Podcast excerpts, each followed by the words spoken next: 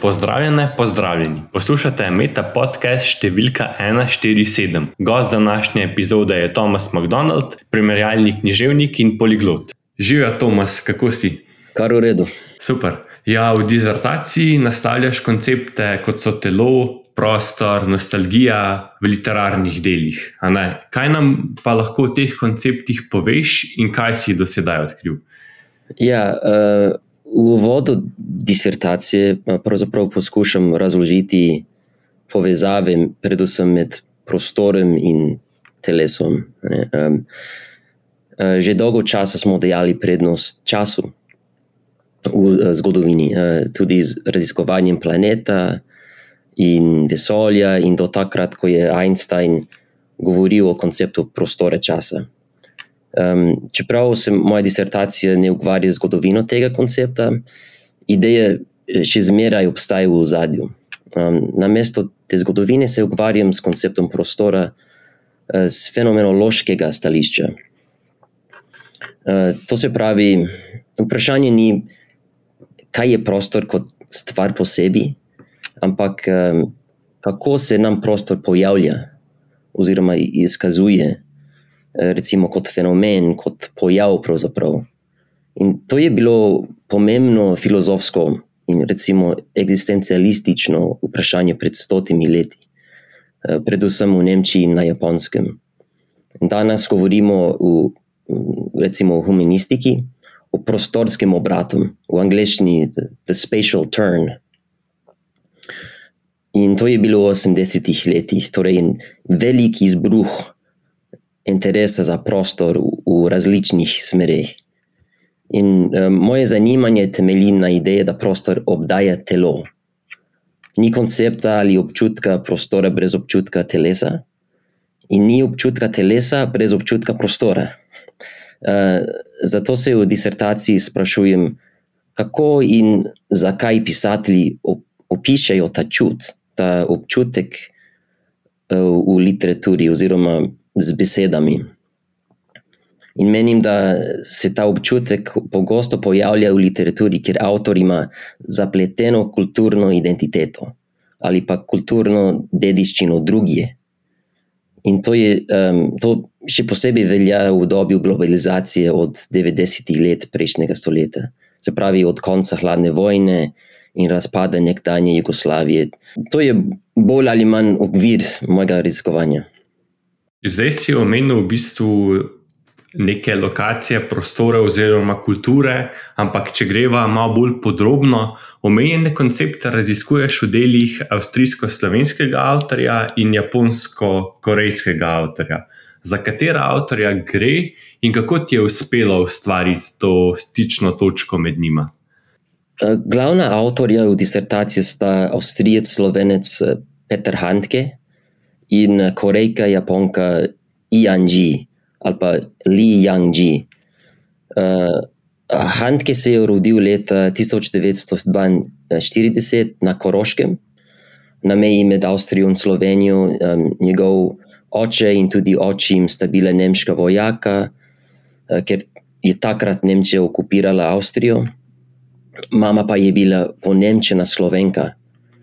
Uh, Handke je odraščal kot nemško govoreč, um, ampak je na močno vplivala materina slovenska stran družine.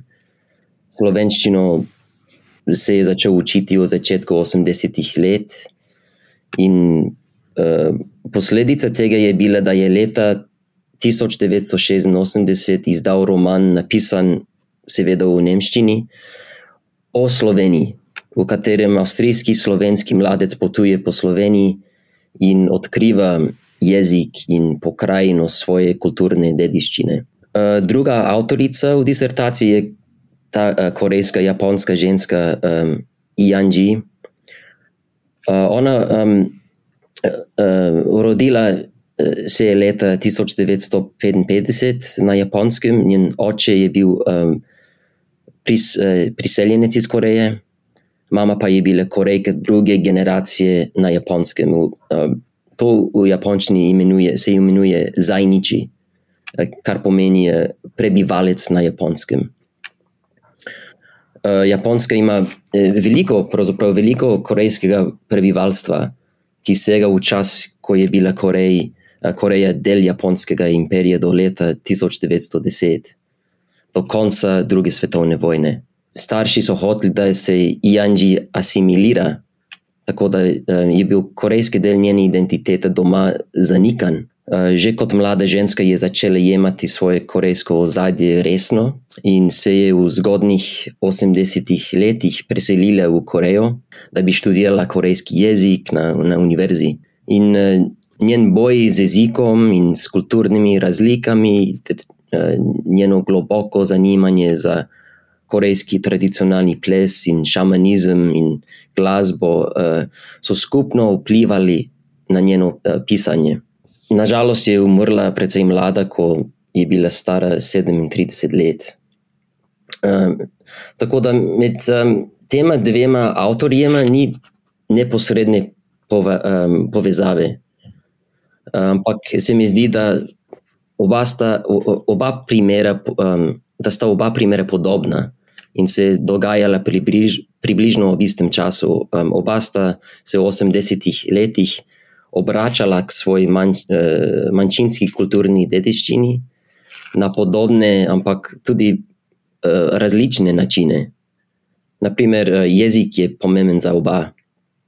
Um, Medtem ko Handkeja bolj zanimata jezik in prostor, Lijo bolj zanimata jezik in gibanje telesa. In ta razlika me zanima. Kar se tiče uh, nostalgije, ta beseda je, uh, v stari grščini pomeni uh, bolečina zaradi želje po vrnitvi domov. In zato mislim, da je, ta literatura Petra Handkeja in Janžije izraz tega občutka nostalgije, tega hrepenenja po domovini. Še, še nekaj dodatnega. Um, dolgo se je Handke zanimal za Japonsko in je v prvih eh, mesecih leta um, 1988 potoval na Japonsko. Torej, um, rad si predstavljam, da, da sta se poti Petra Handkeja in Janji uh, nekako prekrižali, hipotetično rečeno. Ja, zelo zanimivo. Uh, in istočasno se tudi odpre takoj naslednje vprašanje ki verjetno nisem domneval, ampak vseeno, zakaj se zdi, da je primerjalna književnost najboljši skupni imenovalec za nastavljanje različnih kultur na eni strani, in na drugi strani, zakaj se zdi, da je knjiga kot literarno delo najboljši medij za tak pristop? Ne bi rekel, da, da je moj namen primerjati kulture. Um, morda nekateri pristopajo k primerjalni književnosti kot recimo orodje za primerjavo kultur. Um, za me pa je področje za primerjavo posameznih uh, pisateljev, uh, katerih li literatura sega preko kulturnih in nacionalnih mej. Um, ja, in uh, glede vloge uh, knjig, uh, bi rekel, da me na koncu zanima jezik in literatura je prostor, kjer se lahko vidijo meje jezika ja, oziroma možnosti jezika. Torej, primerjalna književnost mi da priložnost potovati recimo, do meje jezika, do, ne glede na kulturo. Do jezika nedvomno prideva še v nadaljevanju, uh, ampak sedaj je eno tako uh, podumestno vprašanje oziroma konceptualizacija.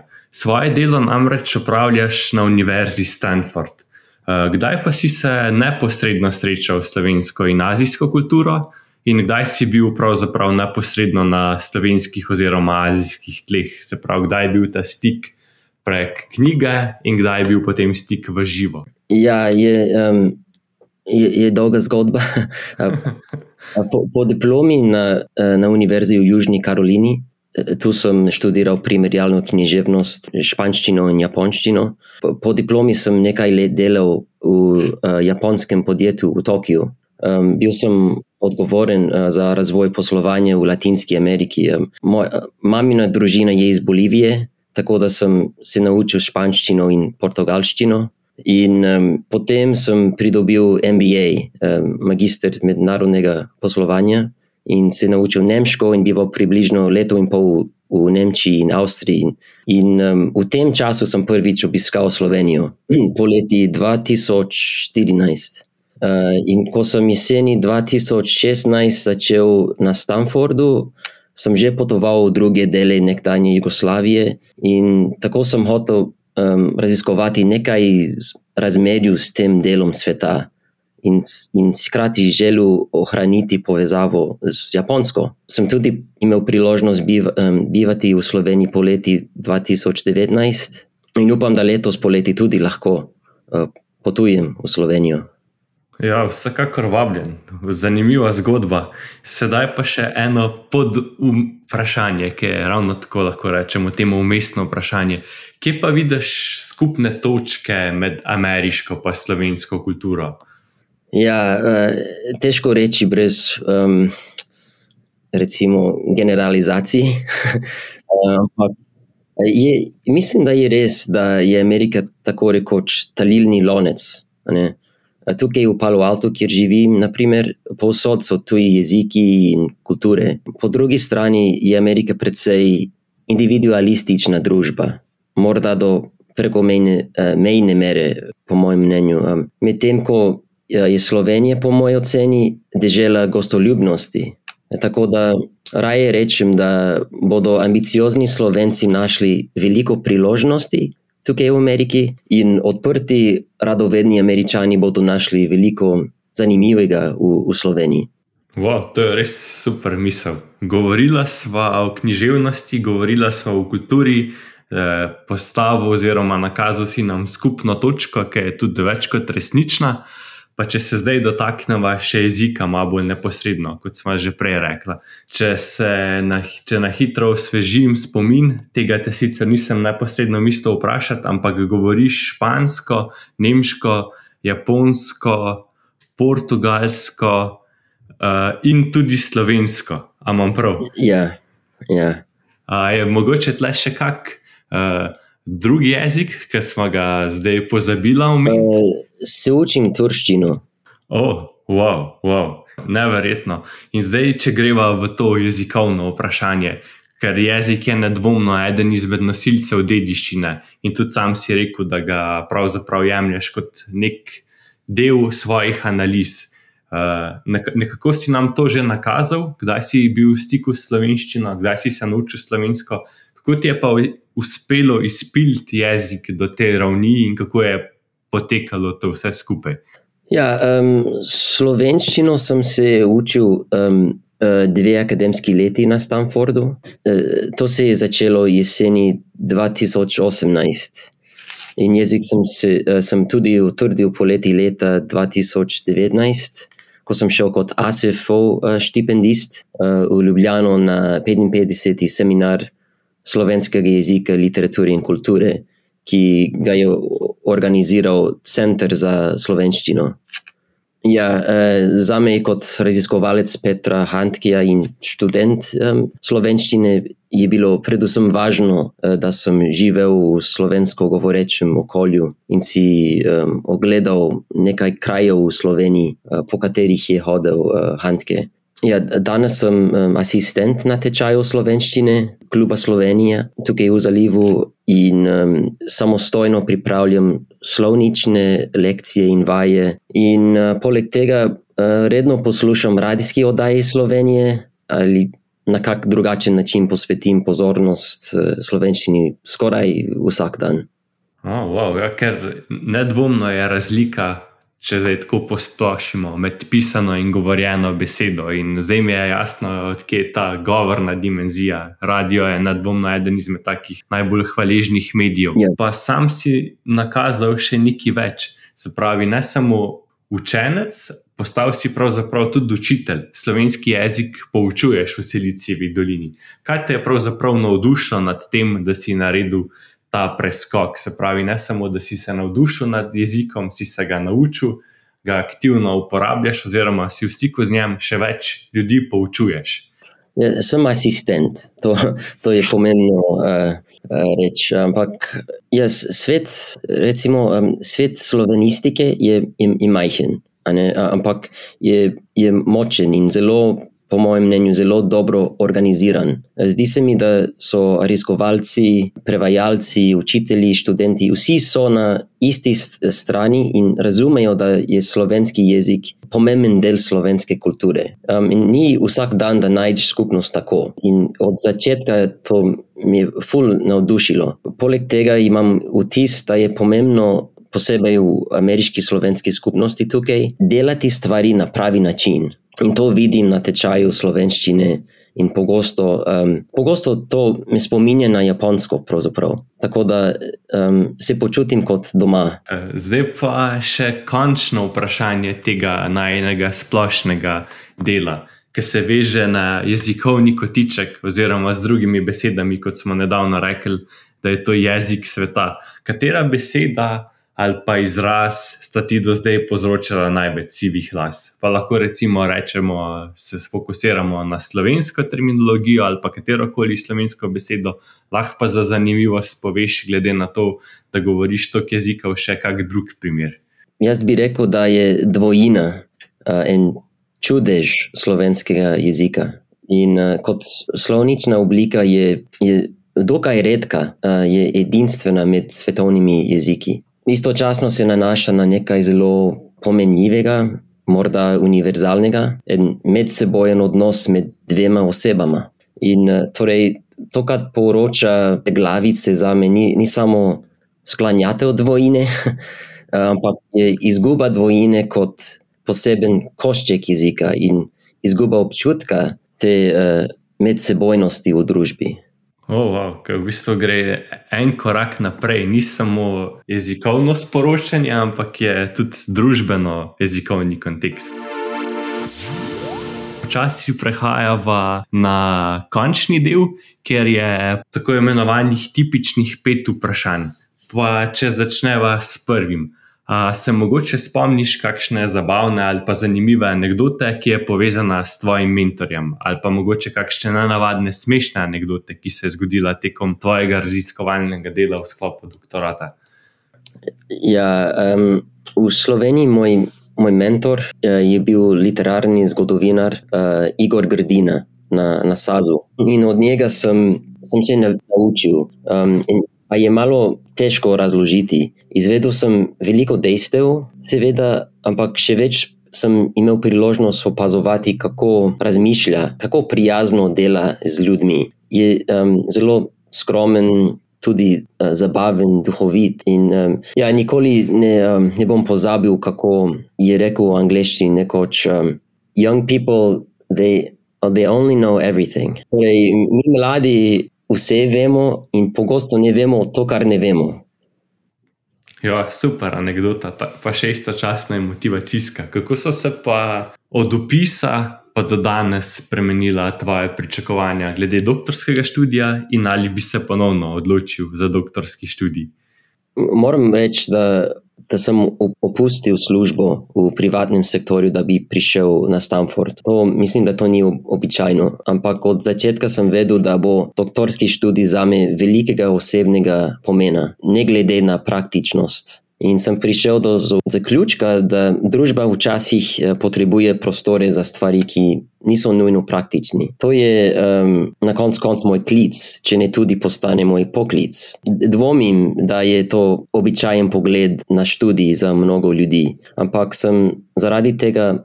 Osebnega pristopa sem vsak dan hvaležen, da, da imam pri, priložnost, da lahko študiram. Če bi imel priliko iti na kavo s predsednikom vlade v Sloveniji ali pa predsednikom ZDA, kaj bi mu predlagal, oziroma kaj bi jim predlagal, da izboljšata na področju znanosti? Nimam jasnega nasveta za predsednika Amerike. Včasih mislim, da je sistem v redu, kakršen je. Um, najprosti trg pogajanja inovacije in napredek in dobrobit. Včasih pa mislim, da bo ameriška skupnost razpadla brez gotovih, velikih sprememb. Tako da eh, ne vem, ampak tako se počutim. Kar se tiče literarne vede, kot vir znanja, um, očitno sem pristranski. Ampak uh, moram reči, da je pismenost še vedno pereč problem. In sicer je treba polagati pažnjo na javne knjižnice tukaj v Ameriki. To premalo financirale, tako da to bi bil moj, moj nasvet. A bi drugim doktorskim študentom predlagal kakšno tehniko za upravljanje s časom, ali pa mogoče računalniški program, ki te bo lajša čas? Mislim, da je del poti do doktorata ugotavljati, kaj deluje za posameznika, glede upravljanja časa. Vsi smo v istem položaju, pod pritiskom, nihče nima cajtane, ampak moramo vsi pogruntati, kako je najbolj izrabljen čas. In ko sem jaz um, začel, nobenega pojma nisem imel, kaj dejansko pomeni brati, pisati, raziskovati. Zdaj lahko povem to, kar mi ustreza. Uh, najbolje berem zjutraj in pozno zvečer. Bolje je za me, da ne delam na računalniku zjutraj in zvečer. Je idealno, da delam računalniške zadeve le nekaj ur popoldne. Um, rad pišem na roko, ročno, v, zvezke, ki jih lahko nosim seboj, naprimer v kavarno ali v knjižnico. To je um, humanistika, ne? morda ne gre za vsi. Um, naprimer, grobo snutek prvih poglavij disertacije sem pravzaprav napisal ročno. In um, tako da na, na svet, ki bi ga rad dal študentom, je ne uporabljati svojega računalnika v knjižnici. Eh, priporočam naj ročno zapisujejo v zvezke in da ne prepisujejo neposredno iz knjig, torej da uporabljajo svoje lastne besede. In resno mislim, da ko pišemo, moramo razmišljati, kaj pišemo. In ročno pisanje pomaga pri raz, razmišljanju, vsaj moje mnenje je, je, je takšno. In sedaj za konec. Kakšno priporočila imaš za knjige, igre? Film, spet na stran podcast. Uh, razen tega podcasta. ja. moja, moja najljubša spletna stran se imenuje Wiktionary. To je slovar, ki nakaže povezave med besedami v različnih jezikih. Ja, to je to. Je to. Ja, s tem pa smo v bistvu prišli do konca. Tako da še enkrat hvala, Tomas, za čas bilo je super, dobili smo razno razne poglede in istočasno stičišča, ki nam jih je omogočil pogovor s tabo. Tako da hvala še enkrat, pa srečno pri pisanju. Hvala za povabilo. Poslušali ste Meta podcast, v katerem se pogovarjamo z mladimi znanstvenicami in mladimi znanstveniki iz različnih področji znanosti. Podcast domuje na spletišču metinalista.com, kjer najdete tudi druge zanimive znanstvene vsebine. Naše delo lahko podprete z donacijo Metini listi, pohvale, pripombe in predloge lahko posredujete na elektronski naslov znanost afnametinalista.com. Dobrodošli so tudi komentarji na Facebook profilu Metine liste in Twitter računu, ki še ni izbrisan. afnametinalista.com. Se slišimo čez 14 dni.